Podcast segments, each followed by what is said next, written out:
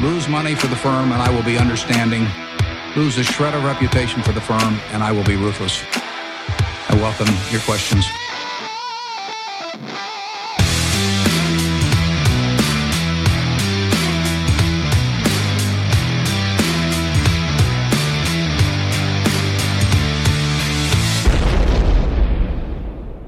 Välkomna till Kvalitetsaktiepodden. Det är jag som är Ola. Ja, och det är jag som är Klas. Eh, Det här är avsnitt nummer 48 som spelas in torsdagen den 22 augusti. Har ju blivit ovanligare och ovanligare här att vi faktiskt kommer ut på en torsdag. Eh, Men eh, så är det. Nästa Mm. gång kommer vi till exempel komma ut på en fredag. Jag vet inte om det har hänt innan. Nej, Nej, idag är för det mycket, sol. för mycket annat jobb helt Mm. enkelt. Idag är det sol Ola i Linköping. Härligt. Och till helgen ska vi båda till Göteborg Ja, och titta på golf. Henrik Stensson, Alexander Norén Ja. ska förhoppningsvis göra upp om årets Scandinavian Masters på Hills. Mm. GC i Göteborg, det är ju lilla London då. Golf and country. Nej, är Golf Club. Golf club, okej. Ja, Golf Club då. Jo, Ja, nej, det ska lite, bli kul. Mm. lite töntigt, men så, så gör de då. Ja. Eh, och då är det ju så att frågan alla ställer sig då, det där var ju framåt, undrar ju folk, vad har hänt bakåt Ola? Vad har du gjort sedan förra avsnittet? Det har faktiskt varit mycket golf. Nej, det, jag vet inte. Det, den här, Desperationen i slutet, i slutet Efter på det här. Stockholm Marathon så har jag försökt ta ikapp eh, den förlorade golfvåren här. Så att, eh, nej, det har blivit mycket golf. Spelade bland annat Ahlsell Open här. Mm. Lyckades vinna en eh, eh, byggbelysning här. Ja, Ahlsell eh, ja, skickade ut lite fogsvansar och grejer i pris på. så här kan du ta med den ut nu då när det blir mörkt. Ja, mörkt ja, på kvällarna när du är ja. ute och spelar. Ja, det är kul med de här amatörtävlingarna. Ja, Mm. ja. man kan vinna vad som helst. ja. Du då? Ja, jag har ju konsultat som en dåre faktiskt. Mm, eh, Med en riktig höjdpunkt här i tisdags då. där Jag fick ta en dagstur i bil till Malmö då. Det är 46 mil. Enkel. Mm. Eh, För Trafikverket behövde alltså en vecka på sig att laga skadorna efter en brand här i Hässleholm. Mm. Och det är, nu snackar vi alltså en av de viktigaste knutpunkterna på stambanan. Mm. Och de har haft allt mellan att det skulle ta tre dagar till att det skulle ta ungefär två veckor. Och i slutändan här häromdagen så kom de väl fram till att det skulle då, ja igår tror jag de började köra igen. Okej. Det här är ju Har intressant. alla tåg stått? Inte... Allting som ska ner, det är ingenting som har kommit förbi där i alla fall. Så de har.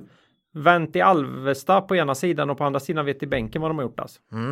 Nej, Är det, sp- är det inte spett, tok, är inte Spettets tok- vänner som ligger bakom det här? Ja eller? just det. Nej. det är ja, de, de som vill uh, spätta loss Skåne. Det Ja. var ju fantastiskt. Var du med nere någon gång när man gick på universitetet så var det ju några anhängare av Spettets vänner här i Linköping. Mhm. Då åkte man ju ner då, träffades på gränsen till Skåne. Ja, så stod man ju och försökte liksom bända loss Skåne från, från Ja, det, ro, det roliga var att det kom ju ett gäng från Lund också från andra hållet. Och försökte, och försökte vände bända från, från... det hållet då.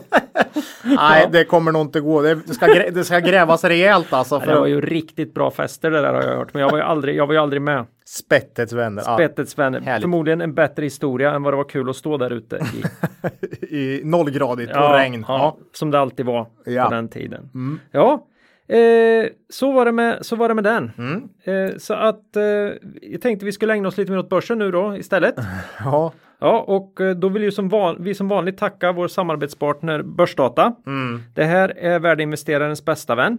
Ja. Och då säger jag så här att screena efter intressanta bolag där. Mm. Det är ju lika spännande som att öppna paket på julafton.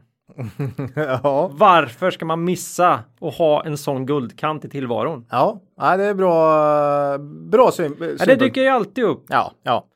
Nej, men så är Något det. Eh, och, och dessutom om du sitter och eh, kollar på ett bolag, gå in. Du har ju allt. Alla nyckeltal. Allt rubbet. Underbart. Eh, Så börsdata.se Ja, eller borsdata.se. då får vi välja där. Man kan välja. Det är ju också bra. Ja. Eh, det blir lite aktuellt idag på börsen. Sen blir det sju bolag. Mm, rapporter. Ja, ett nytt. Raketech. Raketech, ja. Ja, nyss rapporterat. Ja. Och tillsammans med Aspire Global då får de ge någon slags fond till namnet på det här avsnittet då. Som, som då är billigt men betting. Ja, vi hade ju vårt eh, numera, vad ska man säga, Klassiska. klassiska avsnitt billigt men bygg eh, för ett år sedan ungefär. Eh, då var det ju bygg och detaljhandel som var mest hatat skulle jag säga. Nu är det ju utan tvekan då eh, spelbolagen. Det, mm. det går inte att komma runt. Nej. Så att eh, ja, det blir två idag. Mm. Mm. Eh, dagens fråga som vi ska ta alldeles strax här eh, har lite kopplingar till teknisk analys. Jaha. Det är inte ofta. Nej, det är inte ofta. I, i den här podden. Och citatet kommer från demoninvesteraren Per H Börjesson då. som, Demo som, ja. som Dagens Industri omedelbart vände sig till när det började skaka lite grann på ja. börsen här. Sveriges Warren Buffett ja. brukar man ju säga. Han är definitivt en av de som är mest kunnig om mm. Warren Buffett i Sverige. Gått samma utbildning som vi här i Linköping faktiskt. Mm. Mm. Du behöver inte börja snacka ner honom Ola. Nej. Det är inte snällt. Nej. Nej, så är det faktiskt. Ja. Vi är stolta över det. Mm. Eh, och då innan vi går vidare i avsnittet med allt det här då vill vi påminna våra lyssnare om att aktieinvesteringar alltid innebär ett stort risktagande. Aktier kan både gå upp och ner i värde. Satsa därför aldrig kapital på aktier som du inte är beredd att förlora. Det vi säger i podden ska aldrig betraktas som köp eller säljrekommendationer. Gör alltid din egen analys av bolagen innan eventuell handel. Mycket viktigt. Mm.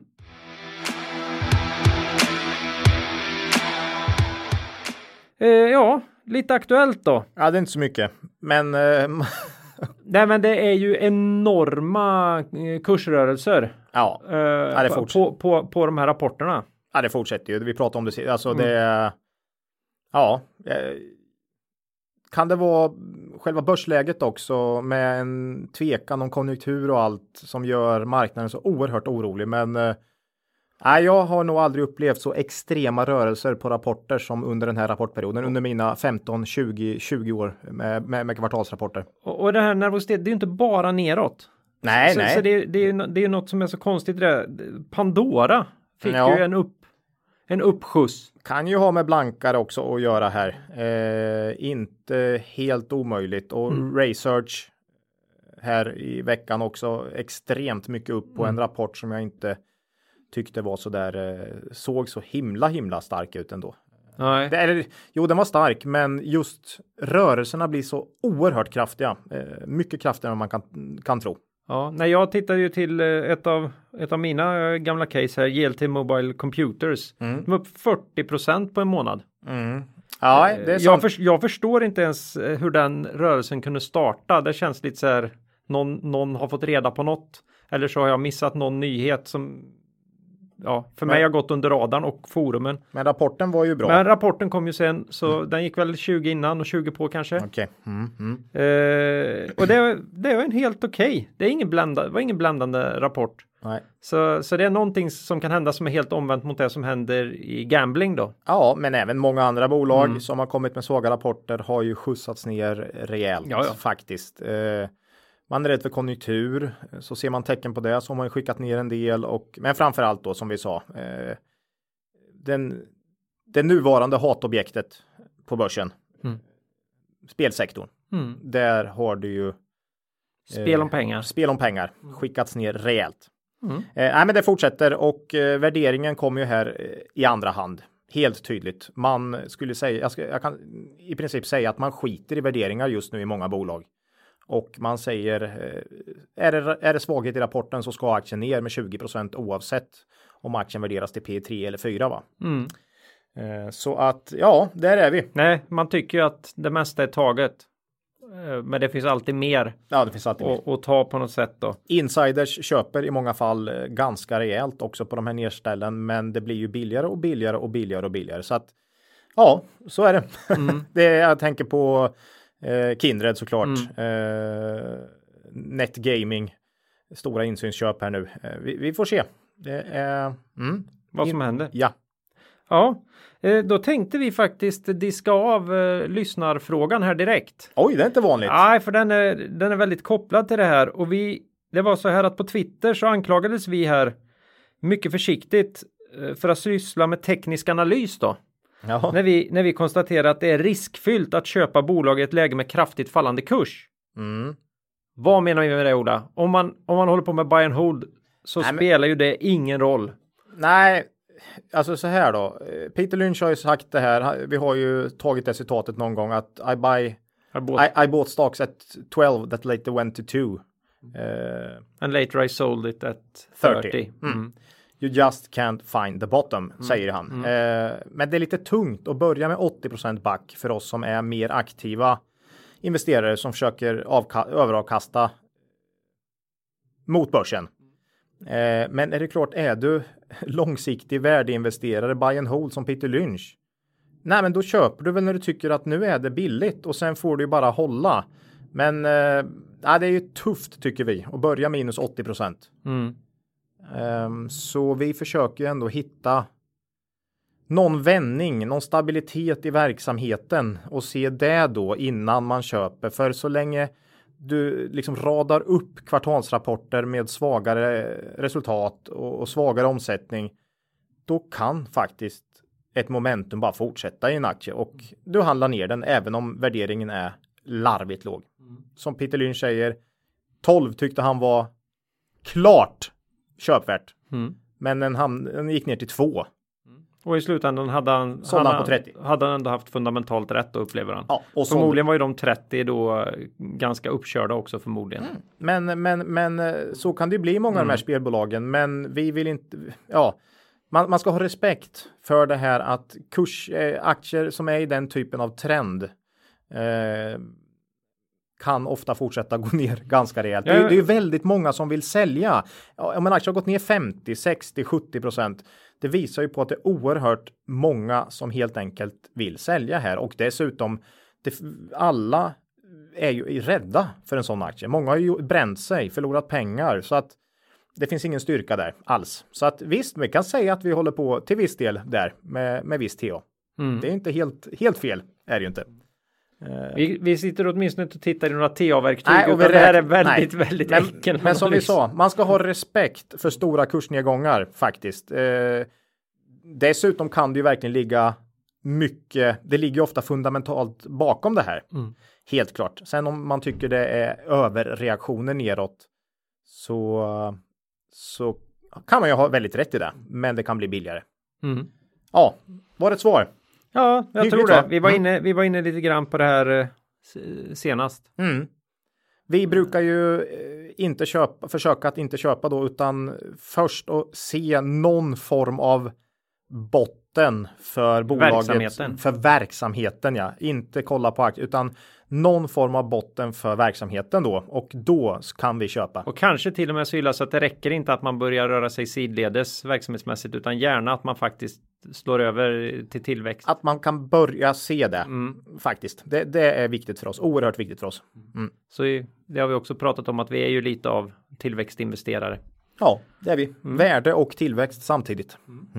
Och sen då vill vi väl, ja vi har en hel del nya lyssnare i podden sen i början då vi pratar mycket om de här grejerna. Det har ju blivit mindre om våran filosofi och mer och mer om bara bolag hela tiden. Och Då måste man ju förstå att de bolag vi investerar i är alltid långsiktigt bra case. Ja, tycker, det, det är ju så vi känner då. Mm. Men det innebär inte att vi, vi hänger på i fem år. Nej. Vi, vi, Det gör vi nästan aldrig, Nej. utan eh, vi för ofta så in, infrias, infrias våra förväntningar på bolagen mycket tidigare än så och då går vi ur och så hittar vi ett annat bolag. Ibland kan vi ha fel också.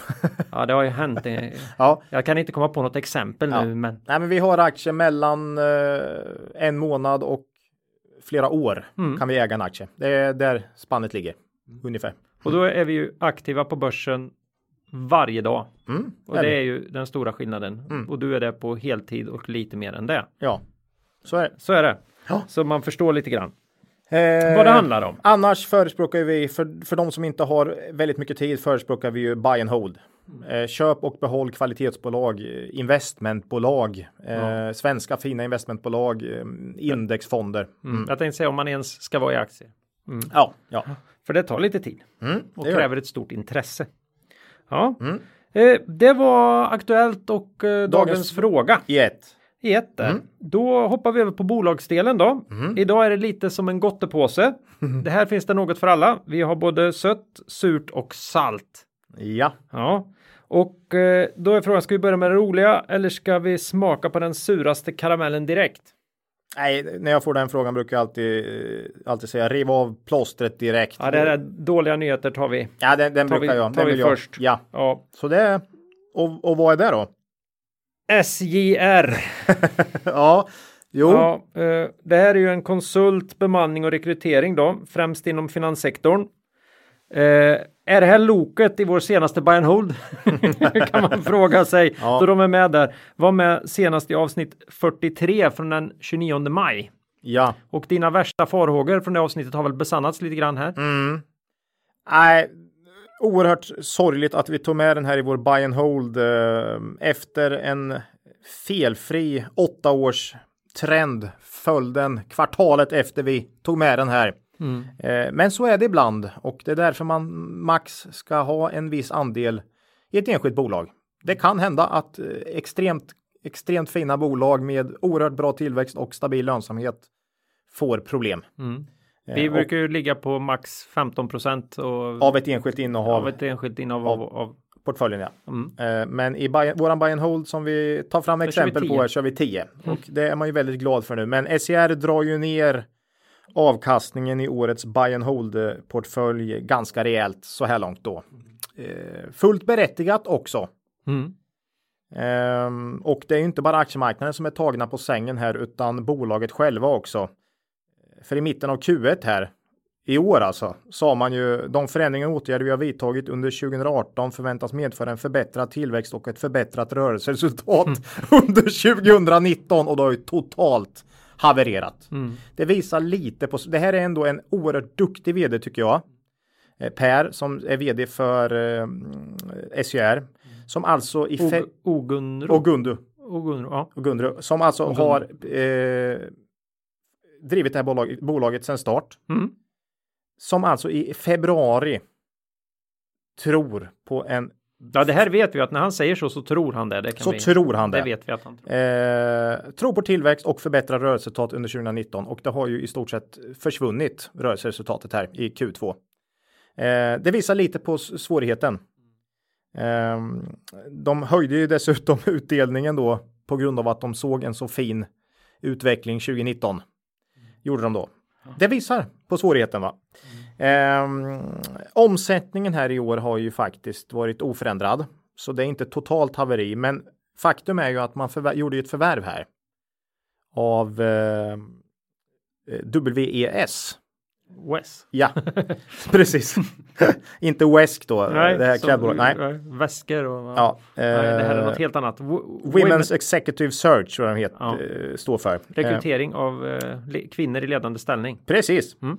Eh, så justerar man för det förvärvet så är ju faktiskt omsättningen ner en del i år. Mm. Och det har ju slagit stenhårt mot resultatet. Man har dessutom hållit på med massa omstruktureringar och så, eh, vilket har eh, ja, Mm. lönsamhet eller resultatet i Q2 gick ju från 10 till 1 miljon. Mm. Så um, nej, det är verkligen uh, ett stålbad här får man ju säga. Eh, man har minskat personal nu då och Mm. tagit omstruktureringskostnader här under våren. Eh, och nu då ha- har man ju då tonat ner retoriken lite och säger förhoppningsvis eh, Eh, ska de åtgärder som vidtagits under halvåret och som kommer att vidtas under resten av året medföra att SCR återigen visar tillväxt och god lönsamhet nästa år. Mm. Lönsamheten förstår vi ju där, men vi, vi, tycker, vi, vi har ju något svårt att se en, en stigande tillväxt om man eh, avskedar personal i ett eh, bemannings och konsultbolag. Ja, Ja, det, det, din fundering där är ju om man, som du, det var ju du som sa, det, man kanske har stora förväntningar på rekryteringsdelen då. Mm, jo, Och där, där, den kan man ju naturligtvis få upp både omsättning och allting i mm, eh, med befintlig personal. Men Mm. historiskt har det ju, har ju intäkterna baseras på att man faktiskt har, har haft folk att hyra ut. mm. Så att eh, har man inte dem så kan man inte tjäna några pengar. Det, Nej, det kan ju vara så att man går tillbaks till omsätt, eh, till lönsamhet här Mm. genom att eh, skära ner och sen börja öka Mm. personal igen. Så kan det ju vara. Men vad man framförallt kan se här är ju att man kan komma tillbaks till vettig lönsamhetsnivå tycker jag. Mm. Tillväxten är ju lite svårare att se i det korta perspektivet då. Eh, och den här omsättningsnedgången har ju varit då på konsultsidan säger man. Eh, är det här minskar efterfrågan från finans måste man ju fundera på här. Det är ju all fintech som kommer. Eh, min, min, färre personal inom eh, finanssektorn. Mm. I alla delar, allt ifrån bank till eh, analysfirmor, allting. Det är ju en spaning man gör. Mm. Eh, vet inte exakt. Ja, det, har man, det är inget som de har bekräftat här, men det, man kan ju misstänka det här helt enkelt. Man säger också här eh, som liksom lite ljuset i tunneln då att det var en klar förbättring i juni då Så man kan vara kanske nära något form av bottenläge här va. Eh, det vore ju kul för våran buy and hold i så fall. eh, men alltså kollar man på hösten här och jämför då med förra årets Q3 och så här, det blir ju oerhört tufft att öka vinsten under hösten mm. här. Då, då ska det ju till en ITAB vändning här. Eh, och eh, ja, det ser jag som väldigt svårt. Däremot har jag absolut inte gett upp hoppet om SCR som mm. bolag framåt. Eh, och skulle man komma tillbaks till sin liksom, historiska lönsamhet, då är ju aktien riktigt billig nu. Riktigt billig. Eh, ett sånt. Det är fynd i sådana fall. Fynd, ja. Men som vi brukar säga, det kanske är bäst att se något tecken på det innan man då eh, eventuellt köper liksom. Eh, och där är vi vi nu. Att vi skulle vilja se någon form av, inte bara det såg hyggligt ut i juni va, utan man skulle vilja se i, i siffror att det börjar gå åt rätt håll lite här. Mm. Och att eh, nedskärningarna biter och så. Eh, omstruktureringarna och så. Och att det inte börjar kosta på i omsättningen också. För det Nej. finns ju en stor risk. Alltså. Ja, vi får se. Mycket intressant att följa. Eh, ett kvalitetsbolag har de ju definitivt stämplat sig som under alla år med tanke på historiken. Mm. Man hade det dock väldigt tufft 2009 där i lågkonjunkturen så att eh, Ja, det var ju för sig också en, en finanskris. så, att, så, att, ja, eh, vi får se. Jag har inte mer känsla än så i SCR, men jag har inte gett upp hoppet om SCR som bolag, om vi säger så. Nej, men det här kan ju vara, ja, det börjar ju vattnet rinna till, snålvattnet rinner till lite grann. Det är ju det här som man älskar när man vet att en, ett riktigt, riktigt starkt bolag har har Tillfäll problem. Ja, tillfälliga då vet och, vi ju inte. Men... Nej, och, och, det visar sig att det är tillfälliga problem. Då kan man ju få enormt ja goda chanser att komma in. Det är ju de bästa. Eh, Särskilt när det är in, det här är lite kallare marknad. Alltså här, mm. det här är ju inte ja, spelbolag eller nej, nej. någon form av techbolag som är hett. Nej, nej, nej. Utan det här är ju ganska tråkig verksamhet. Och då Personal man inte så. Ja, få mer tid mm. och hinna reagera då på en positiv rapport här till exempel. Mm.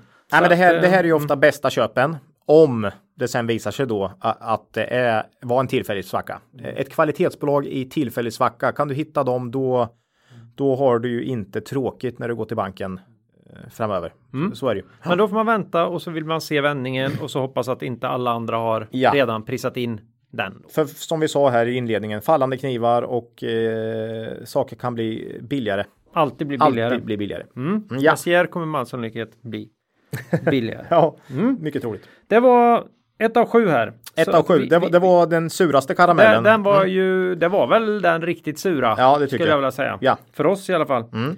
Eh, hoppa vidare till bolag som inte fått vara med på riktigt, riktigt länge faktiskt. Eh, senast var 2 maj 2018 mm. i avsnitt 16. Då pratar vi om Beijer Alma. Ja. Det här är ju en eh, underleverantör av komponenter till industrin och då säger jag så här, behöver du en spänstig industrifjäder Ola, så ska du omedelbart ringa till dotterbolaget Lesjöfors. ja. För då kan de fixa en sån, en sån till dig. Mm. Ja, det här är ju kvalitetsbolag Grande Deluxe tycker jag. Mm. Eh, grymt fin historik. Eh, lönsamheten framför allt. Mm. Kollar man senaste 15 åren så har du alltså ebit-marginalen har pendlat mellan 13 och 18 procent som en liksom alla de åren. Mm. Man har inte sänkt utdelningen under 15 år. Eh, och då har vi finanskriser och eh, skuldkriser i Europa och allt. Va? Ja, det är ju, det är ju tokigt bra. Någonstans måste man nästan ha lite tur också, men det är, ja, det är, väl, to, det är tokigt mm, bra. Välskött och jag gillar ju verkligen de här tre dotterbolagen då. Mm. Lesjöfors, Habia Cable och Beijer Tech. Eh, Lesjöfors är ju, eh, som du sa, industrifjädrar. Eh, etc. med väldigt mycket kunder inom fordon eh, etc. Eh, Habia Cable är ju tillverkare av specialkabel. Mm. Eh, Jag tror senast vi pratade om dem så sa vi nog att de satt i eh, telemaster och annat. Mm. Telekom, mycket mm. ja, mm. precis. Och sen har du Beijer Tech som mer är i, industriell handel och tillverkning. Eh, grymt fina bolag. Lesjöfors dock 50% här och mest lönsamt av alla tre. Så om det är mm. något av de tre man ska ha koll på så är det Lesjöfors för de styr mycket av eh, Beijer Almas mm. eh, utveckling. Eh, Q2 här då. eh, är ju ganska svagt faktiskt och har varit för många industribolag. Omsättningen för Beijer Alma plus 3% ebit minus 13, orderingången minus 5. Mm. Och då har man ju ändå eh, förvärvat fem eller gjort fem tilläggsförvärv här då under våren Mm. till sina dotterbolag. Så det är egentligen, man, man, de här tre dotterbolagen har ju funnits länge, men de gör förvärv då helt enkelt. Eh, så att där kommer det in lite eh, omsättning, men eh, ändå tufft för dem Mm. faktiskt. Eh, ja, det var framförallt Lesjöfors då som drog ner omsättningen i Q2. Eh, och i och med att det är 50% av omsättningen så styr det mycket vad som händer då va. Eh, trots då ändå plus 3% i omsättning som jag sa. Så att de andra två levererar väldigt bra omsättning fortfarande. Orderingången minskade både Lesjöfors och Heibia dock. Ehm, ja, jag har svårt att se några vinstökningar för Beijer Alma här i höst faktiskt. Med tanke på minskad orderingång för både Lesjöfors och Heibia Cable då. Ehm, klarar man av att matcha förra året? Kanske. Ja, då landar vi på 7,50 i vinst per aktie för i år. Mm. Eh, Och aktien är ju faktiskt ner 25 där sedan toppen för ungefär ett år sedan. Eh, Och då, den hade ju P20 i ett par år här. Som många av de här fina industribolagen hade. Eh, Nu är man ner på 15 i PE. Mm. EV ebit 13. Bra balansräkning, direktavkastning 4,5. Eh, Ja, börjar ju se faktiskt eh, lite intressant ut. Med tanke på kvalitet, kvaliteten liksom. Eh, vinsten sjönk dessutom bara 20, bara, bara 20 procent 2009.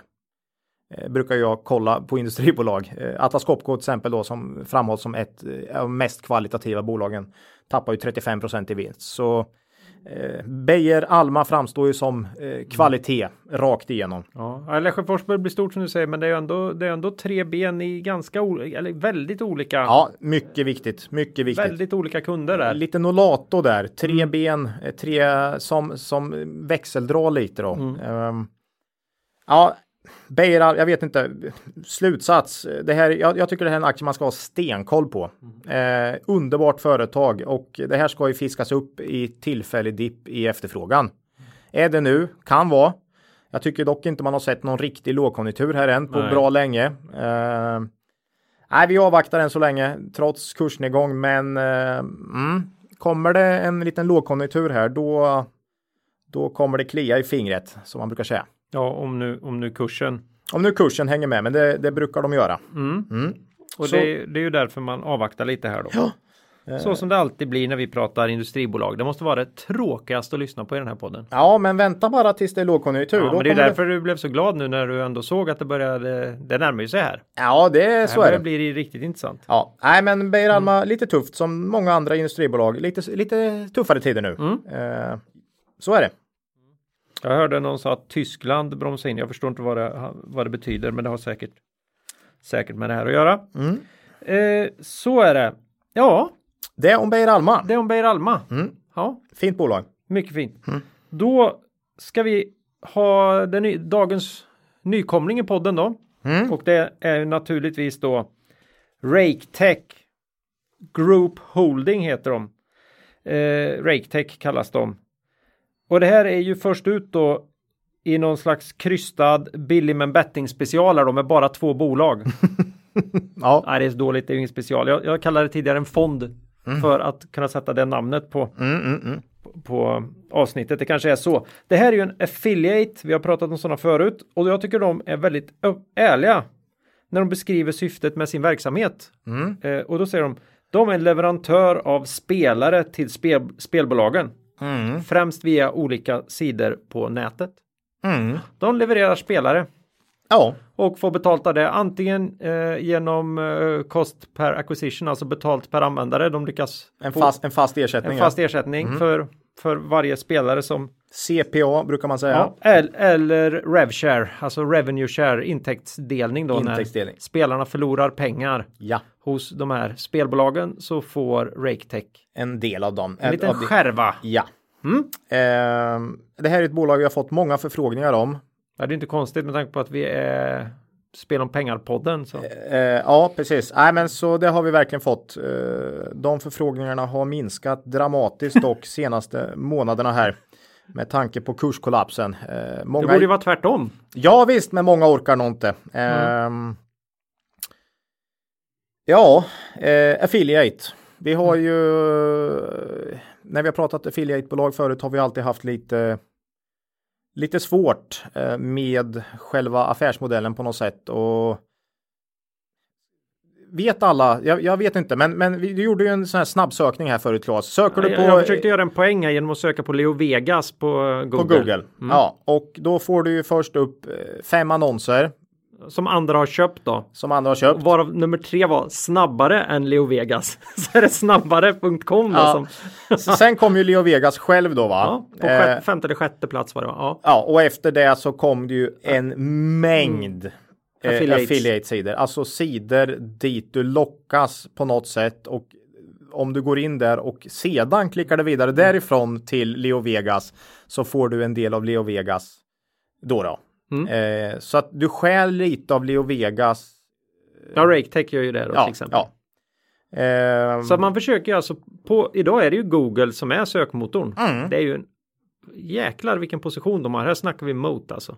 Ja, Google har ju en mot. Inte lika stor ja. för RakeTech då kan jag tycka. Eh, utan... Eh... Och, och, det de gör är ju att de försöker ställa sig i vägen för företagens kunder på något sätt. De säger att de försöker hjälpa till. Mm.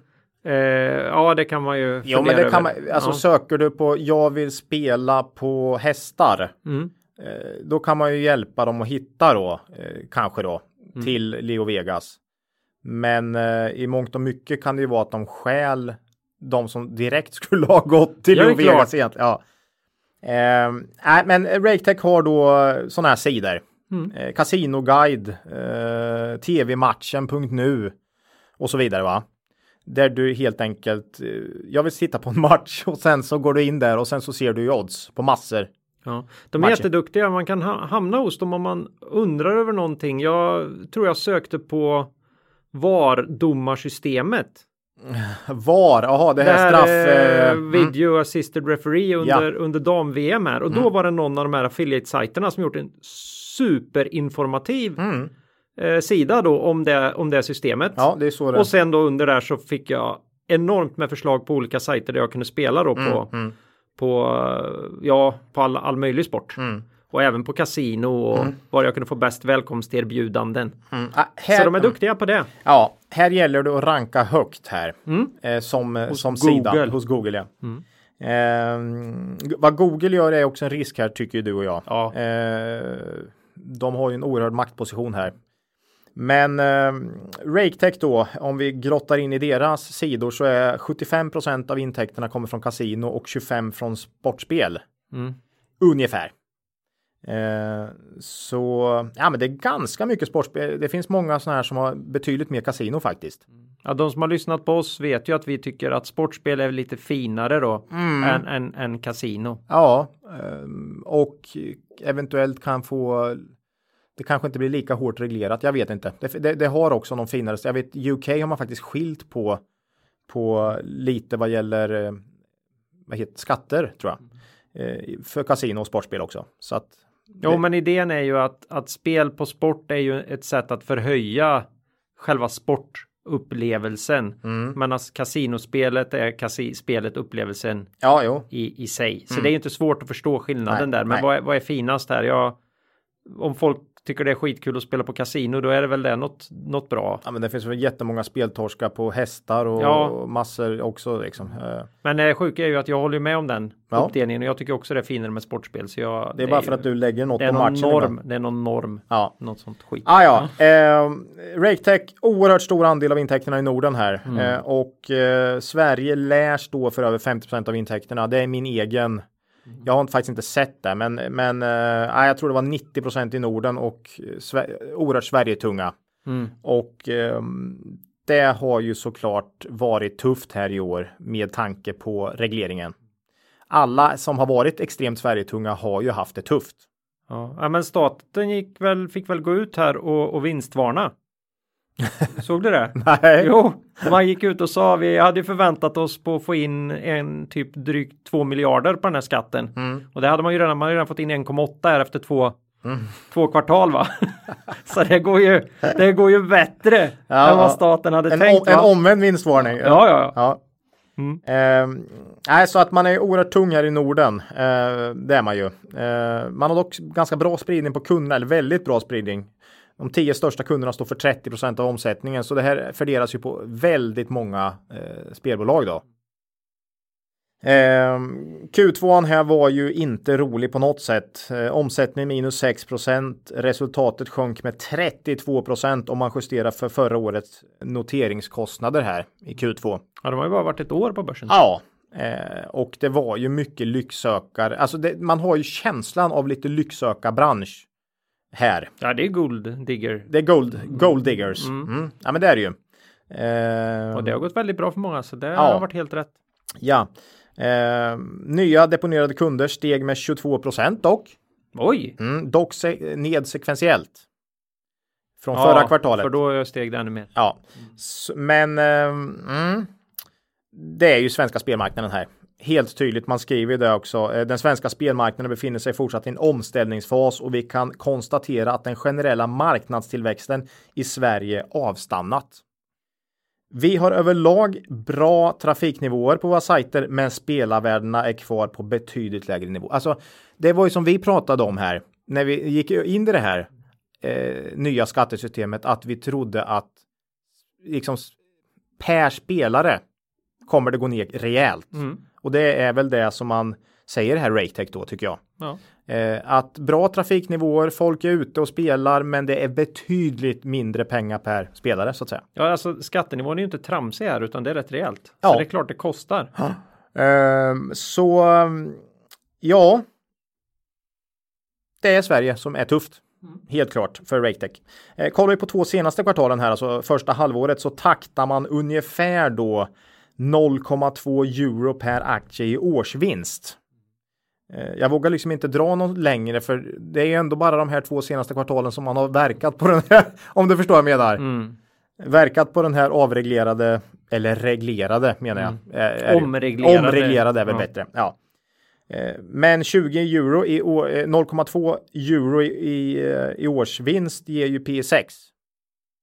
Ändå ja. Ändå. och det här är alltså nu på den här marknaden då. Mm.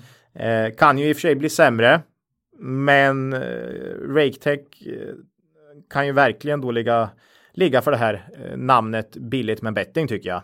Det är ju oerhört låga värderingar på många av de här bolagen nu. Man har ju börjat återköpa aktier. Eh, började väl i juni tror jag, maj, juni någonting. Eh, och man har ju köpt någon procent av aktierna hittills men på betydligt högre nivåer än vad aktien står i nu. Man har väl köpt på 18-19 spänn och nu står den väl i 13 så det är liksom 30% back redan på de köpen. Ehm, man har beslutat att återköpa att man kan återköpa upp till 10% av aktierna så att ja, kommer man fortsätta pumpa på nu med återköp eh, eller slutar man? Jag, jag vet inte. Det ska bli oerhört intressant att följa i alla fall. Eh, Ja, bolaget tjänar ju pengar så att Bolaget tjänar pengar, absolut. Eh, vinst är det ju. Eh, annars kommer du inte med i podden har vi sagt. ja, det, vi har ju gjort. Vi har gjort några undantag, Undantag ja, men egentligen inte. Så är det. Ehm, vi får se om de fortsätter återköpa här. Det, det, det är ju intressant om... Hur såg balansräkningen ut? Nej, men den är ju okej. Mm. Absolut, det är helt okej. Ehm, det är inte något problem, utan jag skulle säga att det är. Ja, det är verksamheten här. Man, man måste fundera på om den bottnar ur här eller vad den gör. Jag tycker det är väldigt svårt att se ehm, när det bottnar här. Man säger att det börjar stabiliseras nu och så. Det kan vara så. Jag kände ju tidigt här att kanske hösten var då det skulle vända för spelbolagen, men Känns som att det har skjutits fram några kvartal. Andra marknader som har reglerats, Danmark framförallt, det återvände ju och började gå tillbaks redan efter några kvartal. Mm. Men det känns som att Sverige följer inte riktigt den mallen än faktiskt. Ehm, Ja, det finns ju en viss mättnad Ja. när det kommer till spelbolag i, i, i Sverige. Tror jag. Nej, måste vara no det är någon, något annat där ju. Eh, så ja, eh, man skulle vilja se lite bättre geografisk spridning också. Det är ju tungt när man är så extremt Sverige-tung här. Mm. Ehm, Ja, billigt men betting. Jag, jag vet inte, jag, jag, jag, kan inte säga mycket mer. Eh, lite svårt att prognostisera tycker jag på kort sikt, men eh, oerhört lågt värderat. Nej, men får man se en tydlig vändning här eller en tydlig stabilisering? Mm. Eh, snart kommer ju de här kvartalen komma som jämförelsekvartal mm. mm. istället då. Ja, exakt. Och då, ja. och, och, jag tror ju ändå det på något sätt, ja, nu, är, nu är ju de extremt Sverigetunga här, det är ju pro, den stora problematiken här. Hade de varit mer spridda över Europa, då hade man ju känt att spel kommer ju fortsätta liksom. Mm. Eh, någon gång kommer ju en vändning. Eh, nu är väl Sverige lite speciellt här tyvärr, så att det, det är synd att de har så oerhört mycket i Sverige. Mm. Men vänder i Sverige, då kommer det ju garanterat vända för RateTech, det tror jag. Sen har du hela diskussionen om affiliate och, och vad de har för vallgravar och, och, framtid och risker och så. Eh, jag, jag, tycker de, det är större risker här än vad det är för eh, Kindred eller Evolution Gaming eh, och de här som har ja, Aspire, Aspire och mm. de här som, som jag tycker har något mer än, än de här affiliatesen faktiskt. Mm.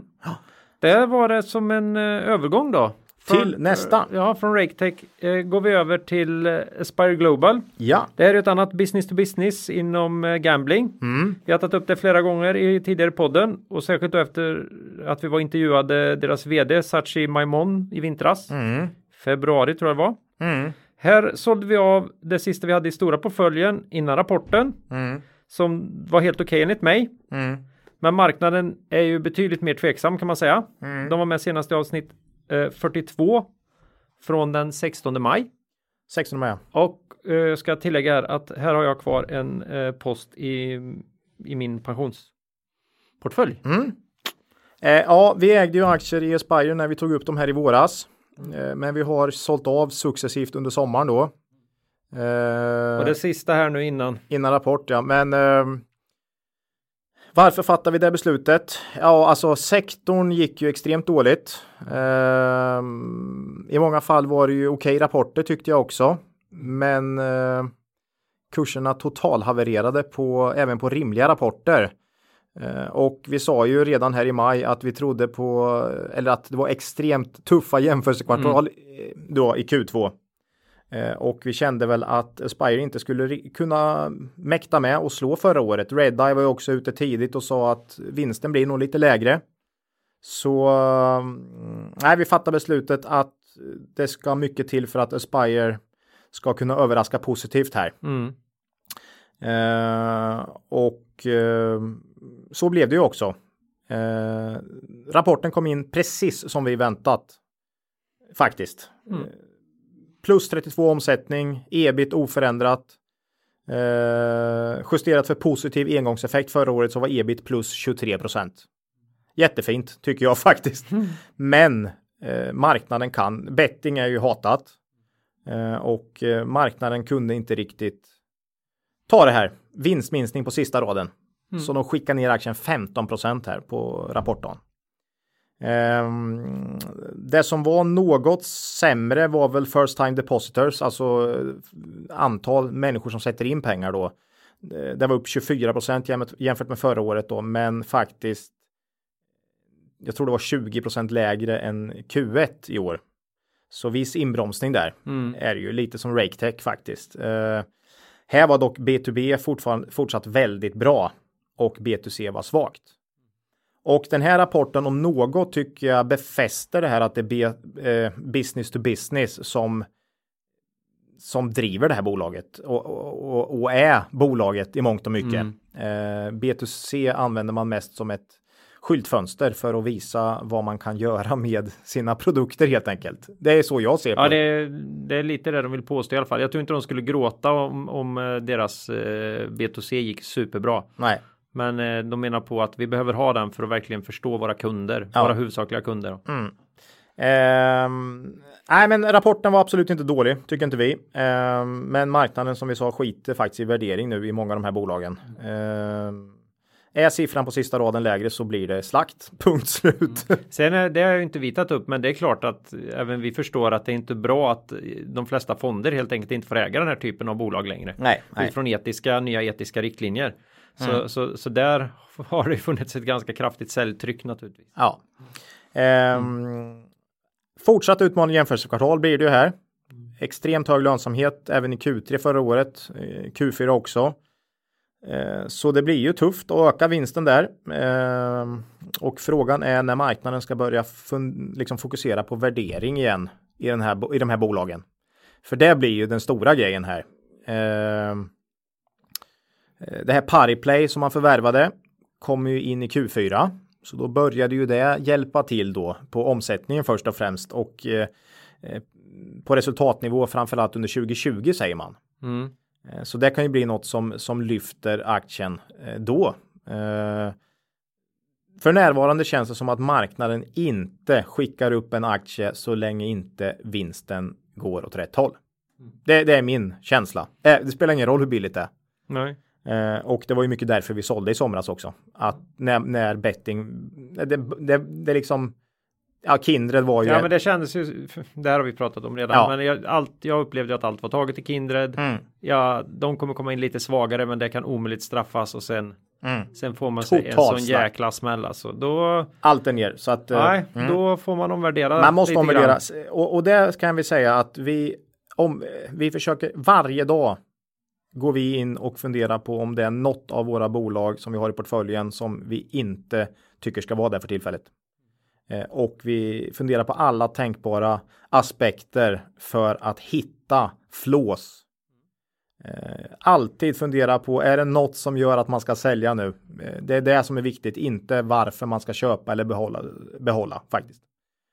Så att försök slå hål på dina egna tankar, det brukar vi säga. Mm. Eh, mm. Aspire, vi tycker det här är nedgången motiverad? Nej, Tycker vi inte. Som långsiktigt case håller fortfarande absolut tycker vi. Eh, de, deras långsiktiga mål ligger fast. Aktien är lågt värderad P8, 9. Direktavkastning börjar komma upp på bra nivåer nu. Det är billigt. Eh, men allt i sektorn är billigt. Och vi kommer avvakta sektorn här. Tills vi känner att det stabiliseras. Mm. Det är, nej, det, här, det, det är kan, våran hållning. Nej, det här kan bli billigare tyvärr. Ja. Det, så är det ju. Eh, ja. Så det om Aspire. Mm. Eh, ja. Så är det ibland. Så mm. Mm. billigt men betting. Billigt men betting. Lämnar vi där då. Ja. Eh, och, och när man då är riktigt deppig här, då är det lätt hänt att man tar till nästa bolags produkter. ja, jag vet vad som kommer då. Ja, då, då hoppar vi nämligen över till Kopparbergs då. Ja. Det här, det här, jag kallar dem ju för ciderbolaget då. Öl på burk, cider på burk. Ja, och så skulle jag vara lite rolig här då, så jag sa att de satsar på högre procenttal både i tillväxten och i dryckerna. ja, ja. ja. De verkar ha positionerat sig väl då i den rådande gin-trenden. Ja. Det har inte varit med på ett tag Kopparbergs. Vart eh, lite taskig eh, utveckling i, i själva bolaget. De har varit med i avsnitt 30 mm. den eh, 29 november förra året. Ja, nej men Peter Bronsmans. Kanske var innan jul där. Vi, vi, ja, ja, ska ja. se vad vi skulle ha på julbordet. Ja, men kör, vi körde ju en, eh, en dryckesspecial. Ja. En spritspecial där med, med akvavit etc. Ja, Kopparbergs Ola. Peter Bronsmans eh, Kopparbergs här släppte rapport igår. Måste ju ta det här. Mm. Det är ändå sommar va.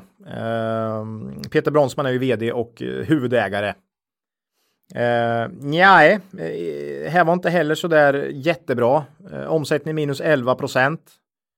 Dock förra årets Q2 var ju extremt stark eh, öl och cider sommar, du vet mm. med fotbolls-VM och, och, kanonväder. Ja, det var ju kanonväder. Både här och brittiska öarna va, så att det, det, var ju inte väntat att man skulle klippa in förra årets omsättning. Ebit dock oförändrat och vinst per aktie plus 20 procent.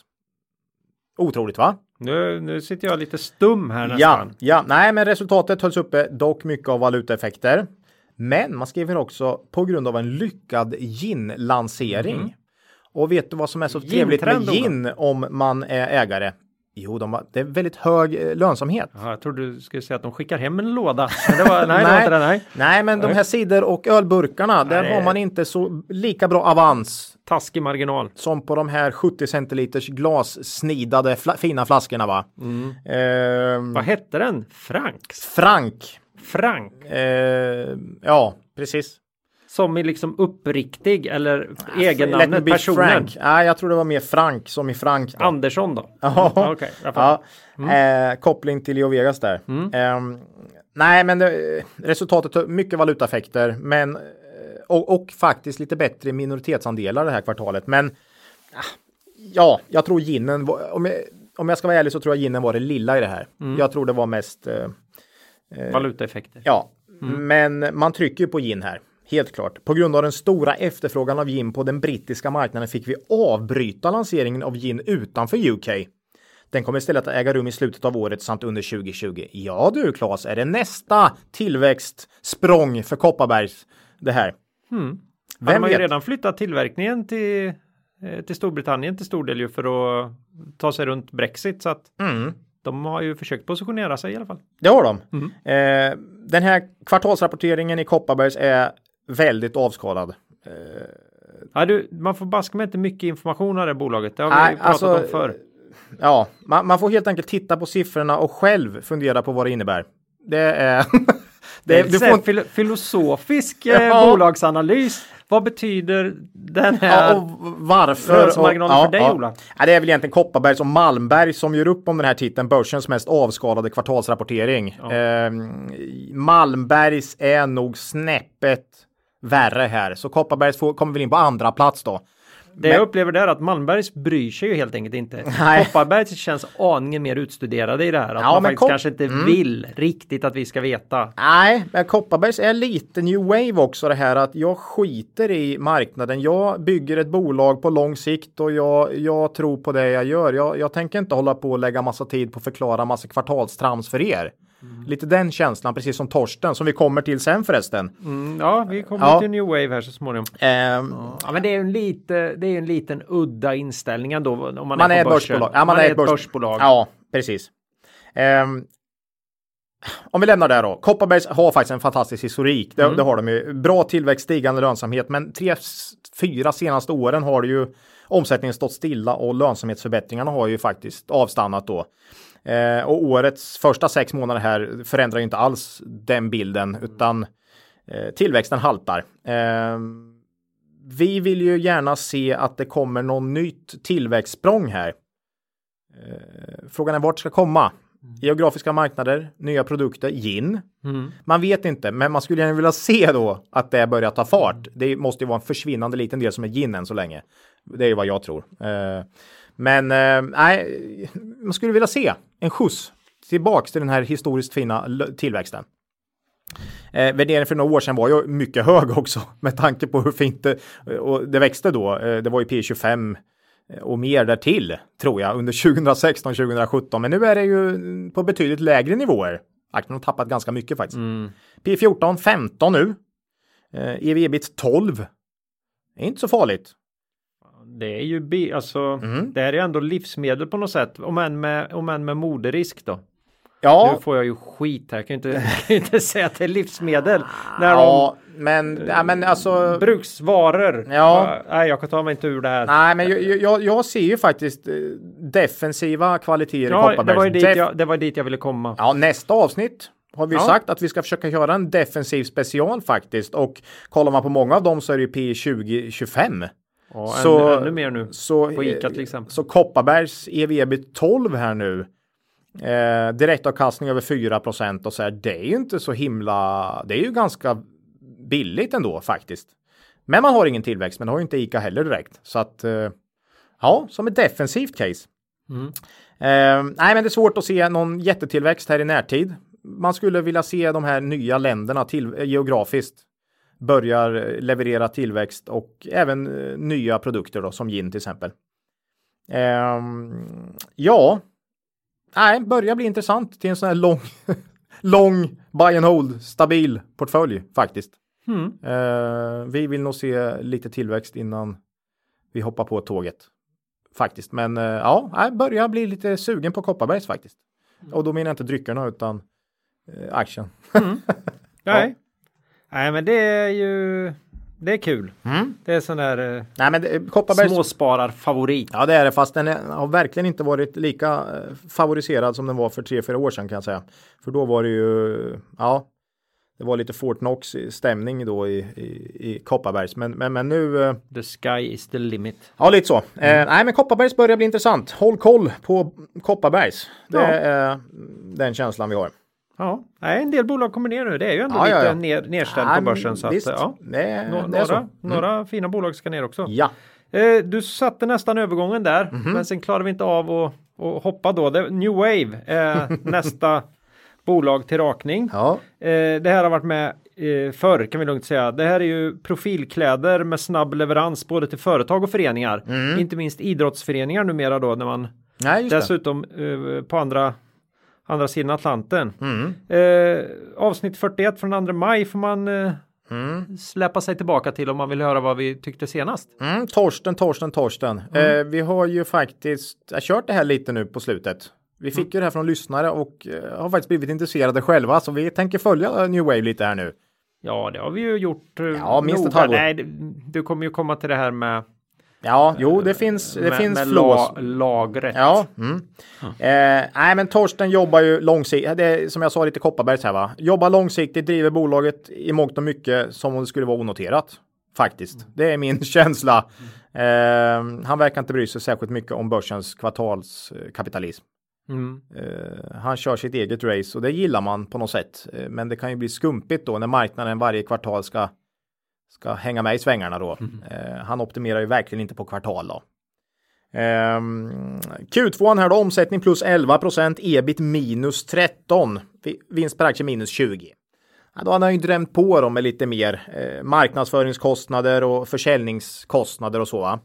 Även distribution, ökad servicenivå skyllde han på då eh, för ökade kostnader. Så nej, han, han försöker på något sätt inte styra lönsamheten per kvartal känner jag, utan han, han jobbar långsiktigt i det han tror. Tror han att han kan få en payback på det på något års eller ett, ett par års sikt, då, då kör han liksom. Eh, och det här kvartalet, även det, eller även det här kvartalet var det sport och fritid som drev tillväxten eh, främst. Eh, Men alla segment ökade faktiskt eh, omsättningen då. Men Craft går ju väldigt starkt. Vi har pratat om det förut. Det är ju eh, sportklubbar. Mycket man utmanar ju Puma och Umbro, eh, Adidas eh, och de här som har då.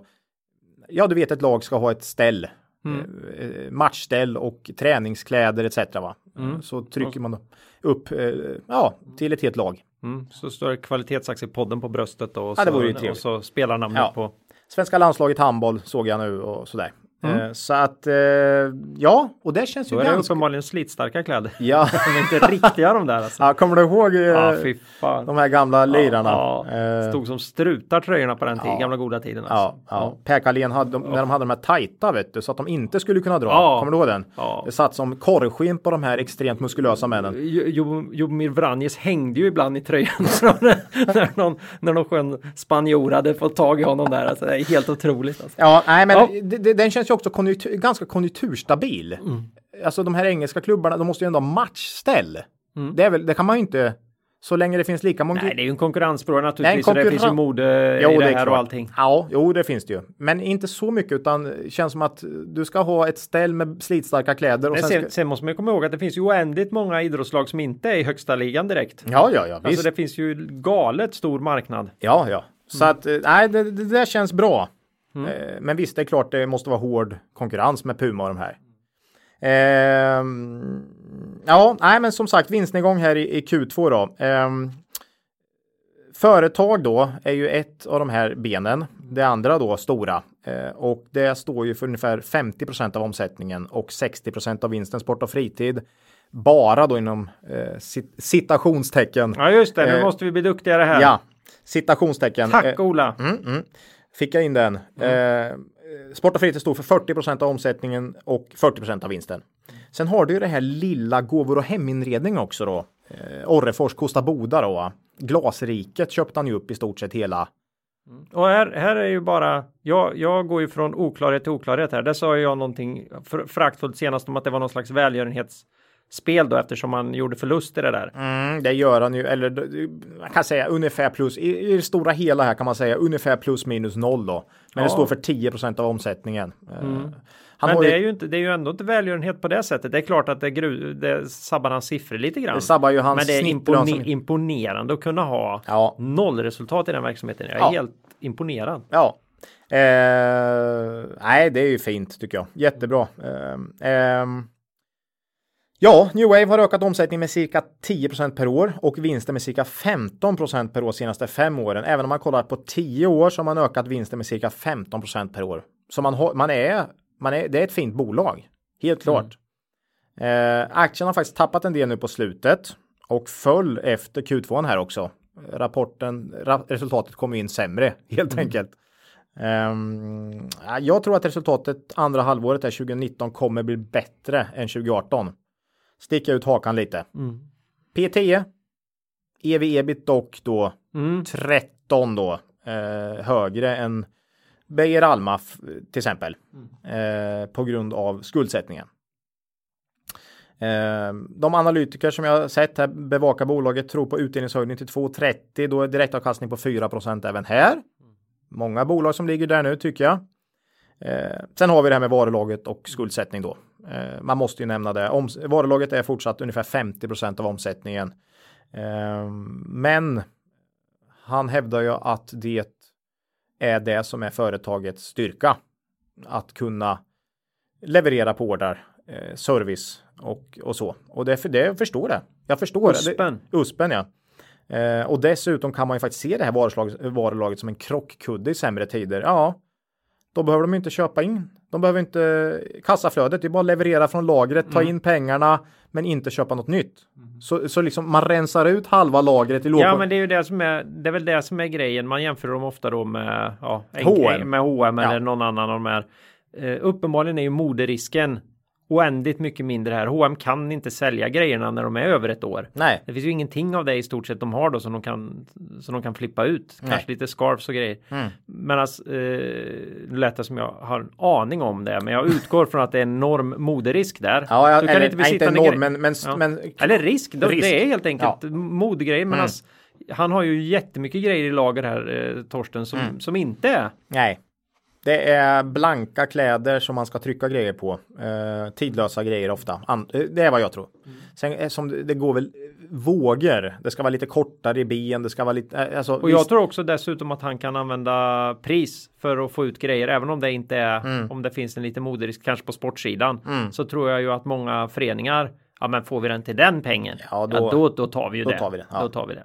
Eh, nej, men så, så jag har varulagret visst, men jag, jag jag har inte så jobbigt med det längre som jag hade här första gången vi pratade New Wave. Du har ju någon slags KBT här. Du ja. utsätter dig för det här varulagret lite grann varje dag då. Ja, ja, ja, ja. Till slut ska du åka dit och titta på det till slut. Ja, som sista, det. Det sista som steg i KBT. Ormrädd, den ormrädde va? Ja, som till klappa slut, ormen. Ja. Mm. Ehm, alltså har du skuldsätt nettoskulden inom ebitda då på cirka 4. Det är ju verkligen på gränsen för oss också. Men eh, mm, landar väl ändå inom skamgränsen med tanke på att det finns lite leasing där och så va. Mm. Eh, nej, jag, jag gillar New Wave och jag gillar Torsten.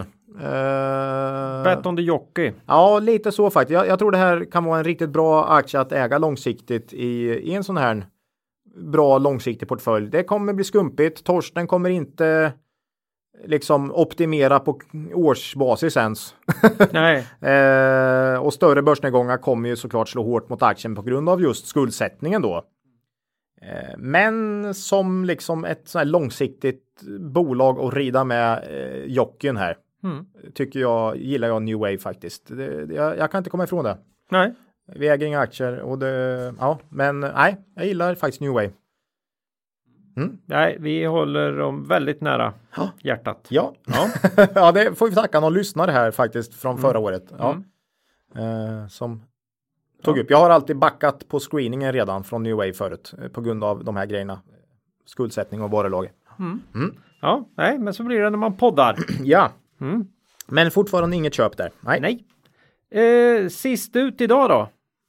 Minst, eh, minst sist, också. Sist nej, och, och, på minsta, nej inte minst eh, storleksmässigt kan de inte vara, men på minsta listan i ja, alla fall. Ja. Eh, Bahnhof, mm. eh, den här bredbandsleverantören nu är jag lite elak här för de är ju jätteduktiga på det men de har nog insett tror jag att de var tvåa på bollen när det gällde cloudlösningar. Mm. Och då tänker jag mig att de kanske har återgått till sin läst. De var med i avsnitt eh, 38 21 mars mm. senast här. Vad, vad, vad, vad händer Ola? Vad ja, händer? Men Bahnhof har ju kursmässigt har det ju varit en nedgång från 35-40 spänn till 22. Mm, det är ont. Det är ju en, ganska mycket. Det ska man säga att både du och jag har de här i våra pensionsportföljer ja. också. Ja, eh, har jag och vi har dessutom med dem i vår buy and hold portfölj så att det är ju Bahnhof och SCR av de här tio som har Då ska man ju då förtydliga att uh, buy and hold är ju ingen verklig portfölj. Nej, det är ju en fiktiv, vårat, ett, uh, en, upps, en uppslagsportfölj som vi brukar våra, kalla det. Våra pensions, vårt pensionsägande är ju riktiga. Det är ju riktiga pengar. Aktier va? Mm. Mm. Som ja. vi dock inte kommer eh, röra. röra förrän 65 plus. Mm. Eh, nej, men det, det, har ju varit tufft för Bahnhof faktiskt. Tillväxten har kommit ner lite och lite svagare lönsamhet här några kvartal. Elementica var ju en sån här liten håsgrej också eh, som drog upp värderingen lite extra förra året och när man backade från det då eh, en särnotering så föll aktien lite extra. Eh, Ja, det är också en sån här skön grej. Det var ju det här jag menar med cloud här. Mm. Det är en sån grej som då många andra tycker att åh, fantastiskt, det finns en kicker här, en jo, men det var... uppsida och mm. vi bara, vad är det för skit? Ja. Håll, ni ska hålla på med det ni kan. Mm. Ja. Mm. Och gör eh, bra. Och vad kan mm. då Bahnhof? Jo, det är ju egentligen bredband mm. eh, först och främst. Eh, och här fortsatte då i Q2 privata abonnemang öka fint plus 13 procent man lägger ju på bara hela tiden. Man verkar tappa väldigt få kunder skulle jag säga. Eh, även omsättningen steg 13% i Q2. Ebit dock bara plus 2% men det var ändå bättre än vad det var i Q1. Så jag, jag, jag, jag skönjer en någon form av förbättring här nu i Bahnhof. Um, man säger då också att juni var, var den bästa månaden. Precis, ja, det gör man faktiskt. Det är tvärt alla industribolag Ja, som, juni... som sa att juni bromsade in mm. Nej, men juni var bästa månaden här mm. eh, säger man och eh, där hade man klart bäst lönsamhet också. Man har nämligen justerat priser. Eh, man har kompenserat sig för högre kostnader då helt enkelt. Mm. Eh, och det kommer ge förbättrad lönsamhet fullt ut från Q3 och framåt. Mm. Eh, och då börjar det bli intressant såklart. Eh, jag hade nästan faktiskt kunnat eh, tänka mig att köpa Bahnhof här nu eh, rejält.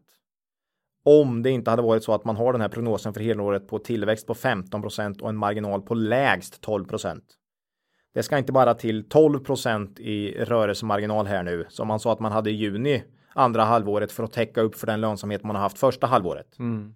Så ja, ja, hade det inte varit för att man hade varit prognosbolag eh, med risk för då vinstvarning, va? eftersom man har gått mm. ut med en prognos så hade jag nog kunnat köpa här. Men äh, det blir ju oerhört tufft att nå framförallt lönsamhetsnivån här över 12 procent. Men gör man det, då tycker jag, ja nu, då börjar Bahnhof se riktigt intressant ut faktiskt. Nästa rapport kommer ju ge en ganska tydlig pusselbit då i den, i den gåtan. Ja, blir det 12 då, då, då ska det mycket till i Q4 för då har man haft 10 mm. två kvartal, 12 och sen ska det över, ja då ska det ju rejält om ett kvartal då. Årets julklapp. Årets julklapp. Så att nästa kvartal kan ju bli en vinstvarningskvartal eller så blir det ju, åh oh, herregud vad bra, nu ska alla in. Mm. Det är lite den känslan. Eh, nej, men det här är ju ett kvalitetsbolag med stabil intjäning, eh, konjunkturokänsligt, tuffa på. Eh, nej, är det, känns som ett mycket alltså intressant de har ju, Om man tittar på några av deras huvudkonkurrenter så är det ju extremt usla bolag, alltså kund, kundmässigt. Var det Telia, Telenor, kom hem med ja, de här menar kom du? hem är ju, kom hem är ju, är ju galna, alltså. De är ju galet dåliga. Mm. Eh, när, när det gäller att förklara, förklara för kunden varför, varför tar vi så här fruktansvärt bra betalt. Är det egen ja, erfarenheter? Inte, ja, mm. nu, inte bara egna utan många mm. mig närstående som också har samma erfarenhet. När, när ett bolag utan problem år efter år höj, liksom försöker smyga in en höjning, en ökar 100% kostnaden då på ditt bredband. Mm. Och så ringer de och säger nej det här går inte, jag vill säga upp. Ja men då sänker man då igen då ner till det du hade innan. Då kan man katta det där in mm. half och göra uppenbarligen en vinst. Mm, mm. Ändå. Nej, inte kund. Det...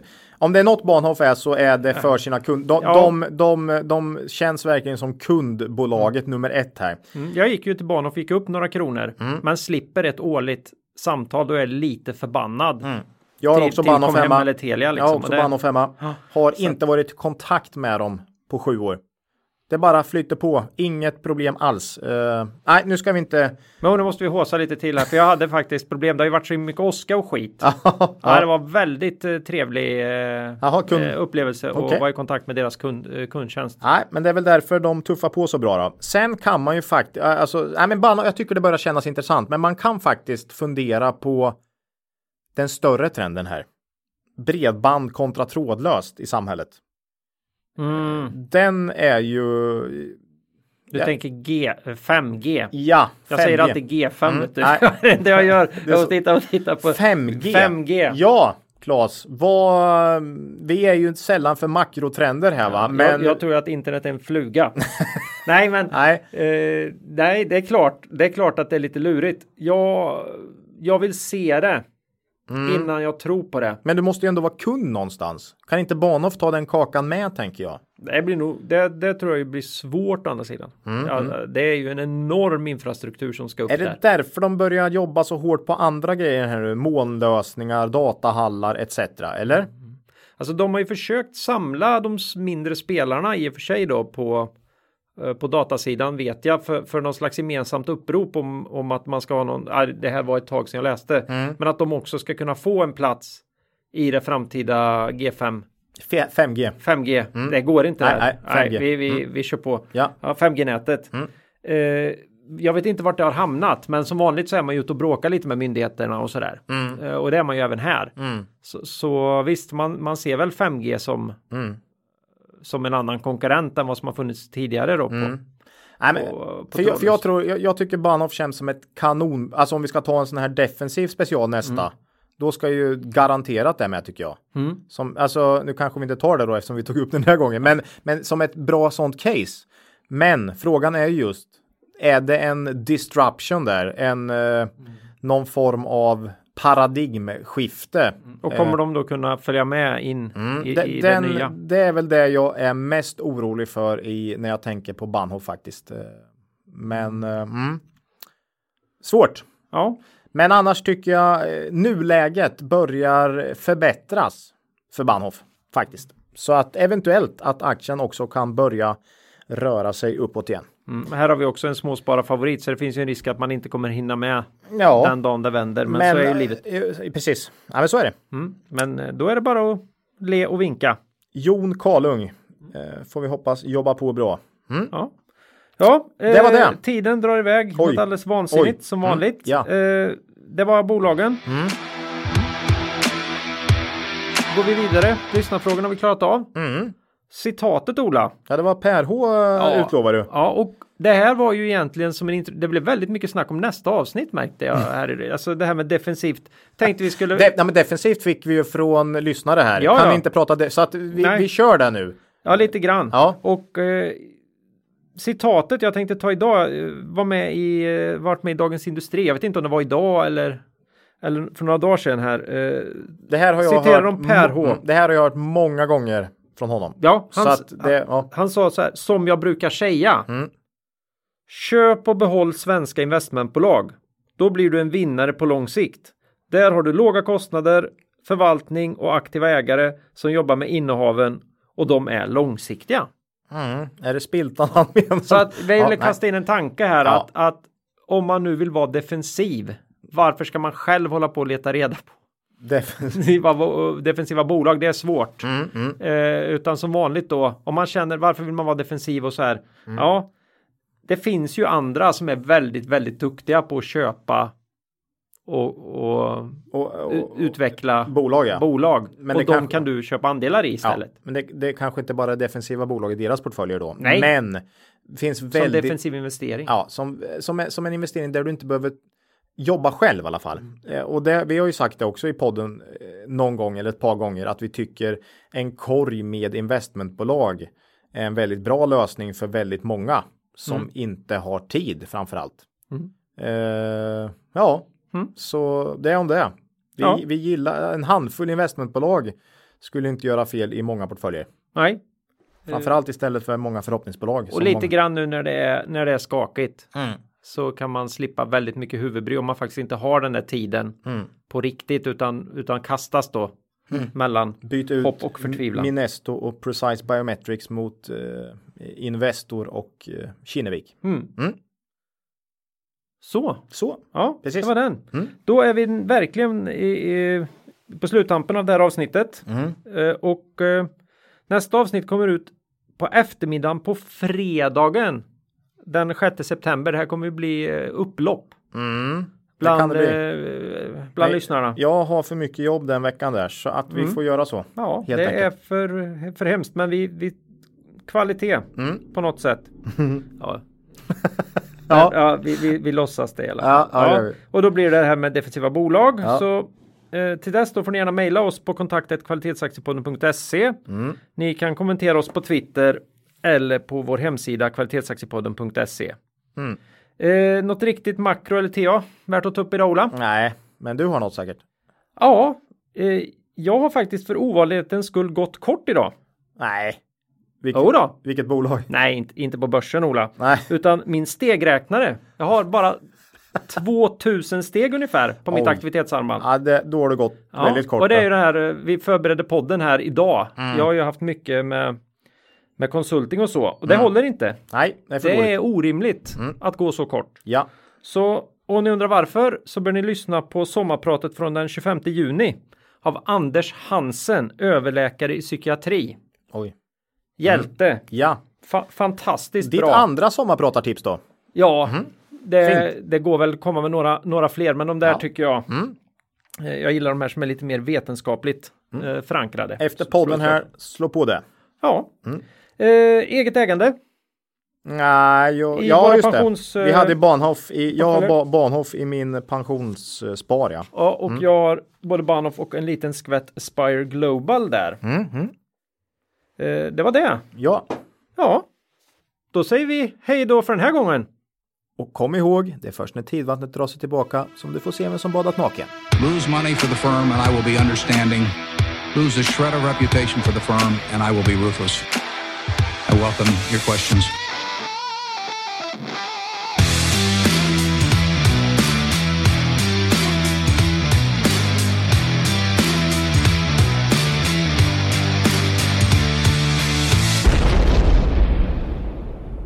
Ja, så här i slutet på avsnitt 48 vill vi passa på att tipsa om en, ett event i Norrköping den 23 september.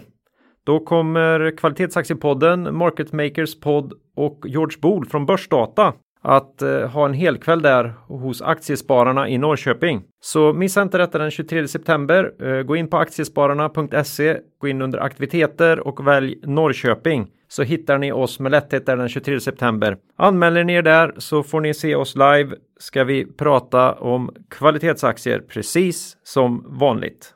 Syns vi där. Hej på er.